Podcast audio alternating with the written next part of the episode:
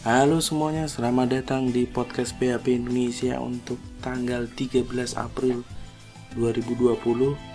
Semoga semuanya masih sehat-sehat saja, tidak ada yang terkena virus ini itu.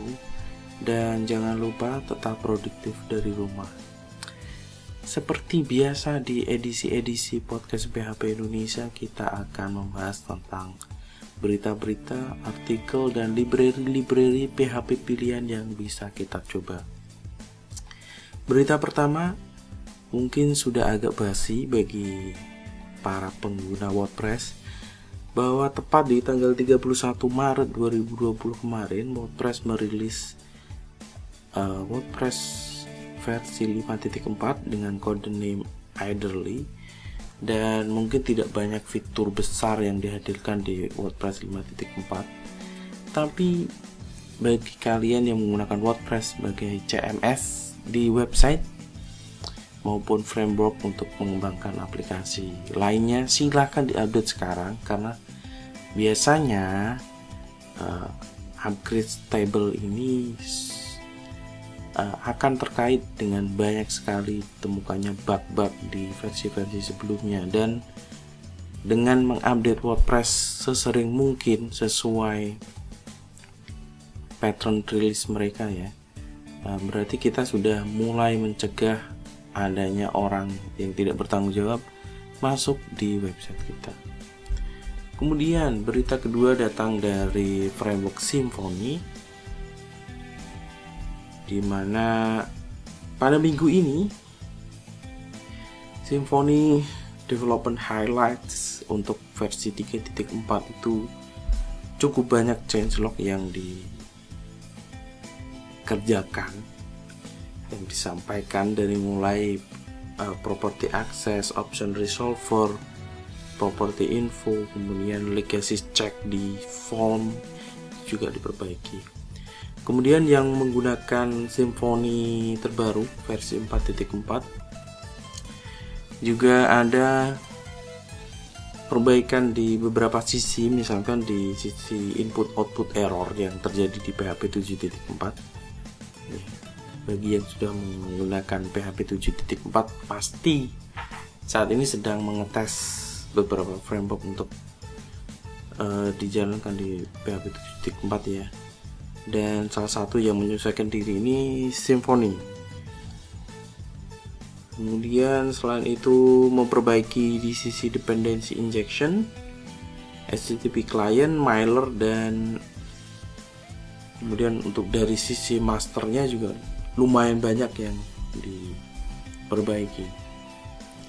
Selain itu uh, Symfony CLI ini juga memperbaiki uh, crown handling kemudian ada support untuk memcase yang digunakan di Docker Compose kemudian ada opsi multi line dan lain-lain. Silahkan dibaca-baca di uh, websitenya di symphony.com/blog ya biasanya. Dan yang berita selanjutnya dari pengguna Drupal untuk pengguna Drupal sekali lagi untuk pengguna Drupal. Tanggal 10 kemarin uh, drupal.org mengeluarkan preview awal dari akan dirilisnya fitur-fitur nanti di Drupal 9 apa saja yang digunakan nanti akan dihadirkan di Drupal 9 nanti uh, secara konsep garis besarnya adalah Drupal 9 API itu sama dengan Drupal 8.9 API uh, minus eh, part-part uh, yang sudah deprecated dan third party dependencies yang diupdate ya paling terlihat itu adalah digunakannya Symfony 4 atau 5 di Drupal 9 nanti alih-alih menggantikan uh, Symfony 3 kemudian berita terakhir ya berita terakhir dari JII Framework bagi yang menggunakan JII Framework bahwa tanggal 26 Maret ya sekitar 2-3 minggu yang lalu YI Framework 2.0.34 itu dirilis. Jadi silahkan yang sudah punya aplikasi YI dan suka menggunakan YI yang bleeding edge bisa langsung diupdate ke YI 2.0.34 dan terakhir dari Laravel Laravel 7.4 dirilis tanggal 1 kemarin dengan beberapa fitur yang di highlight yang pertama uh, high order uh, ketika menggunakan proxy for collection. Contohnya seperti ini.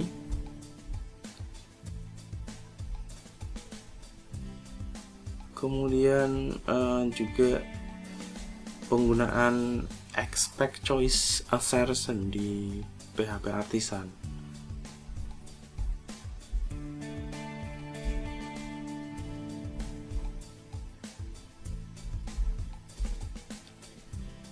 kemudian di PHP 7.4 ini uh, semakin diperkenalkan kembali bahwa Laravel 7.4 itu sudah mendukung Laravel 7 ya khususnya sudah mendukung castable interface.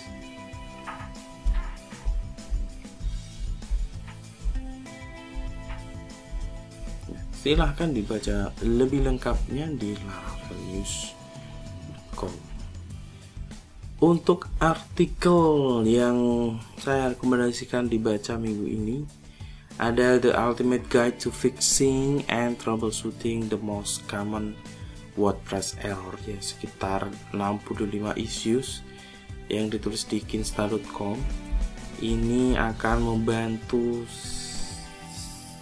anda-anda yang menggunakan WordPress dan mengalami error-error yang biasa ditemukan ketika kita mendevelop website dengan WordPress dari mulai error 400, error 500 kemudian uh, file error, PHP error, database error itu semuanya sudah ditulis di sini. Ada 65. Silahkan dilihat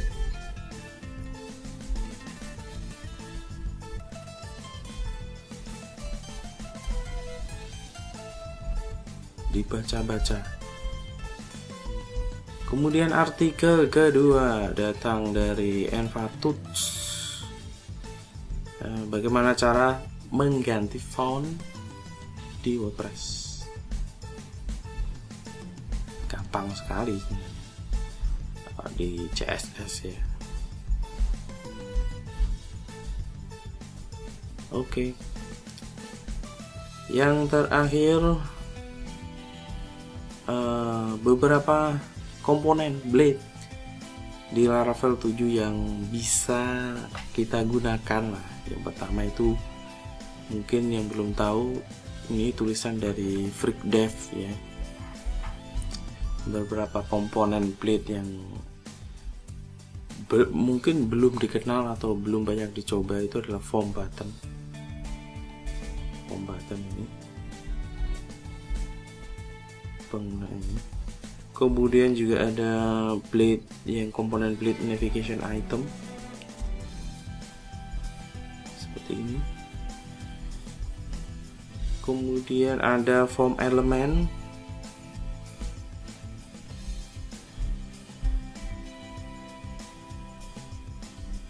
Contoh penggunanya seperti ini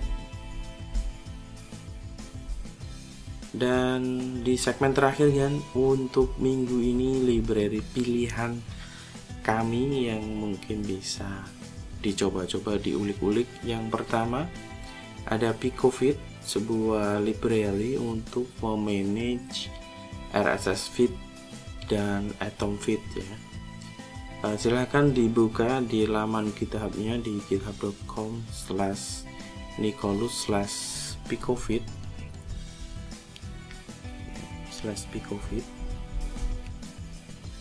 fiturnya apa saja? Yang pertama menurut mereka ya itu simple dan fast. Kemudian mendukung parser untuk Atom versi 1, RRS dari versi 0 sampai versi 2.0.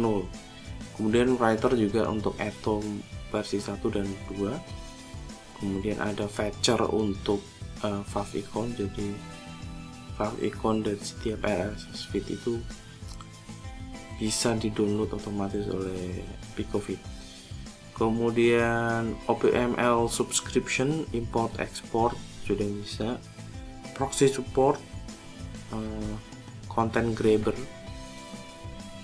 Jadi biasanya beberapa website itu membatasi ya jumlah uh, kata yang disajikan dalam setiap feed. Itu Picofit sudah mendukung uh, content grabber membuka URL lanjutan read more-nya kemudian dibaca kontennya kemudian yang terakhir uh, yang dibutuhkan tentu PHP versi 7.1 ke atas kemudian extension XML, Curl dan icon V.